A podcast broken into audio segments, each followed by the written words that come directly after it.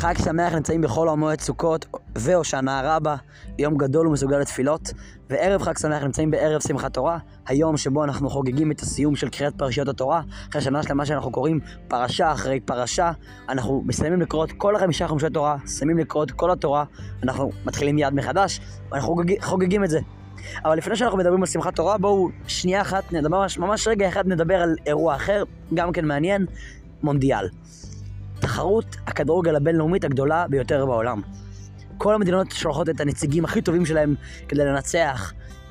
מאות מיליוני אנשים צופים במשחק הזה, מיליונים מהם אפילו באים למקום, לאצטדיון פיזית, משלמים את הכסף של הכרטיס טיסה ושל המלון, של העלות המטורפת של הכרטיס כדי להיכנס לאצטדיון, כדי לראות את המשחק מקרוב, לראות איך הקבוצה שלהם מתאמצת להכניס את הגולים ומנצחת, זוכה באליפות העולם. אבל דמיינו לכם שעוד כמה חודשים, ממש אה, בגמר המונדיאל, בשיא של האירוע הזה, כשהוא עומד להתחיל, פתאום המנהל של המונדיאל עולה למגרש ומודיע שהיום לא יתקיים משחק. היום לא יהיה משחק בין שתי קבוצות המובילות. היום נעשה סעודה ענקית על המגרש, על הדשא, של בשרים ושל יינות. בין כל מי שביציע, כדי להביע עד כמה אנחנו שמחים בזה שיש לנו את המושג הזה כדורגל, כמה אנחנו מחוברים אליו, איך באנו מכל העולם כדי לראות אותו. האוהדים בקהל, ביציע, יאכלו אותו בלי מלח, כי הם יגידו, בצדק, אנחנו באנו לפה לא כדי לאכול לכבוד המשחק.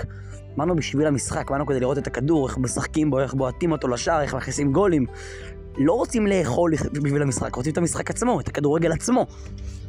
זה בדיוק השאלה שיש על שמחת תורה. מה שמוזר בשמחת תורה. שמחת תורה זה נקרא שמחת תורה. שמחים בתורה. אבל היום הזה, כשבודקים רגע מה קורה בו, רואים בעצם שאולי שמחה יש בו. רוקדים בה בכנסת, ושרים, ואומרים לחיים, ועל משקאות כמו יין, ובירה, ו... אבל... תורה, ביום הזה לא, לא, לא פותחים את הספר תורה, הספר תורה נשאר סגור, לא לומדים בו שום דבר. התורה היא שכלתנית, יש בה אה, מצוות וחוקים והוראות והבנה, ולא לומדים בכלל את התורה ביום הזה. זה כמו שבאים למגרש כדי לראות משחק כדורגל, ובמקום לשחק את המשחק כדורגל עצמו, אוכלים לכבוד המשחק. אז ככה, גם בשמחת תורה, באים לבית כנסת כדי לחגוג את השמחה של התורה, ובמקום ללמוד את התורה עצמה, רוקדים לכבודה. אז למה לא, למה לא את ה... ללמוד את התורה, לפתוח אותה? זה, זה, השמחה האמיתית בה, לא? זה התורה עצמה. מסביר הרבי מלובביץ', שבשמחת תורה אנחנו חוגגים לא רק את ה, כמה התורה חכמה, אנחנו חוגגים גם כמה היא קשורה לכל אחד וכל אחת מאיתנו. כי אם באמת אנחנו ניתן פוקוס על הלימוד שלה, אז יכול להיות שיש מישהו שהוא יותר חכם ממני, יש מישהי שהיא יותר חכמה ממני, שהם יותר מבינים את התורה, יותר קוראים אותה, יותר לומדים אותה. אני לא כמוהם, אני לא חכם כמוהם, אני לא, אני לא מתמיד בלימוד שלי כמוהם, אז הם באמת יותר טובים ממני, הם יותר קשורים לתורה ממני בפן הזה, ככה אני יכול להרגיש. אני אגיד לעצמי, תשמעו, הם צריכים לחגוג, לחגוג את התורה, לשמוח בה, אני אהיה ביציע, אני רק הקהל, הם אלה שחוגגים באמת, כי הם מבינים את התורה. התורה זה רק הבנה. מגיע שמחת תורה ואומר לנו, מה פתאום? התורה היא לא רק הבנה, היא לא רק למי שמבין, היא לא רק למי שלומד אותה, לא רק למי שמצליח להבין אותה. התורה שייכת לכל יהודי ולכל יהודייה. התורה פשוט, הקדוש ברוך הוא נתן אותה לעם ישראל. כל יהודי באשר הוא קיבל אותה.